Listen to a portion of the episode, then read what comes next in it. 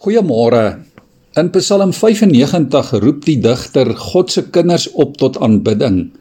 As hy sê: "Kom laat ons jubel tot eer van die Here. Laat ons juig oor die rots by wie ons redding vind. Laat ons na hom toe gaan met lof. Laat ons hom toejuig met lofsange, want die Here is die magtige God, die groot koning oor al die gode. Die dieptes van die aarde behoort aan hom. Die kruine van die berge is syne." Die see is syne, hy het dit gemaak. Sy hande het die land gevorm. Kom ons val in eer betoon voor hom neer. Kom ons buig, kom ons kniel voor die Here ons Skepper, want hy is ons God en ons is sy volk, sy kudde, sy skape deur sy hand versorg. Ons dink vanmôre oor die geloofsgewoonte van aanbidding. Martin Luther, die groot kerkvader, het gesê: Om in God te glo is om God te aanbid. Ons verhouding met God is 'n lewe van aanbidding. En dit is baie meer as net om lofliedere te sing. Dit is 'n hele manier van lewe voor die Skepper God. Aanbidding is ook nie net bedoel vir musikante en vir goeie sangers nie. Dit is bedoel vir elke mens. Dit is ook nie net 20 minute of 'n uur elke week nie. Dis 'n konstante elke dag se gesindheid wat ons herinner aan God se grootheid en aan ons eie afhanklikheid voor die Here. Dawid het so 'n besondere verhouding met God gehad. In alles wat Dawid gedoen het, kon hy altyd na God toe gaan. Ons weet dat Dawid 'n leenaar was, 'n moordenaar. Hy het hom aan baie sondes skuldig gemaak. En tog het hy met al hierdie dinge na God toe gegaan en God het hom nie verstoot nie. Dawid het God se genade spontaan aangegryp en God spontaan geloof. Hy het erns gemaak met die woord van God. Hy was altyd in 'n realistiese en aktuële gesprek met God. Dawid het aanvaar dat God alles weet en alle mag het.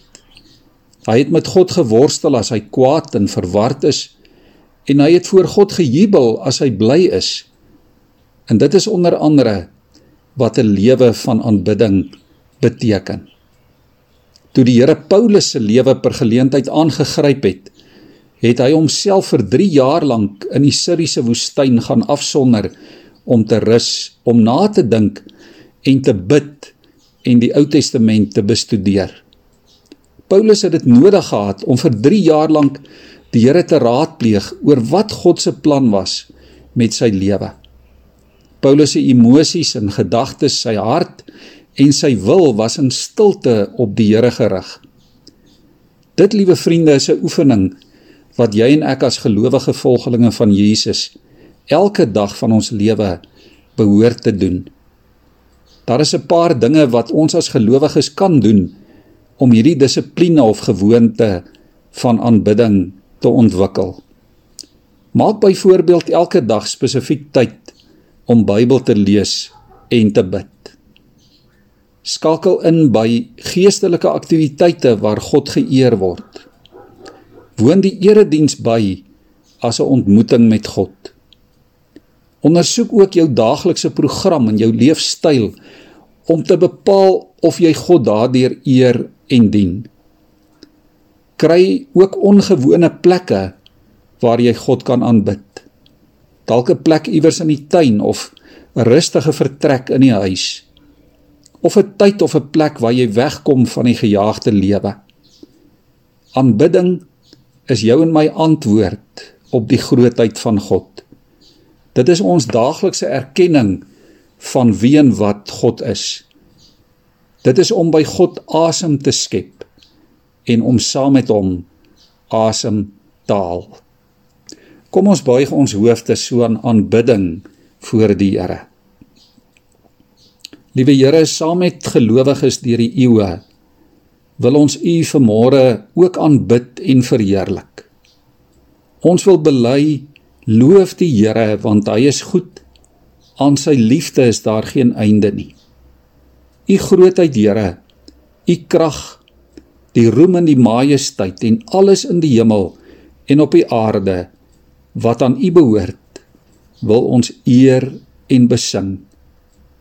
Here laat ons deur u Gees en deur u waarheid elke dag ingestel wees op u grootheid. Laat ons u met ons hele lewe aanbid. Uit u en deur u en tot u is alle dinge.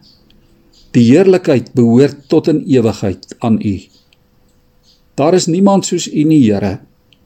U is barmhartig en genadig. U is lankmoedig. Ja, u is vol liefde. Laat ons dit vandag onthou, Here. En laat ons elke geleentheid gebruik om u naam groot te maak. Amen.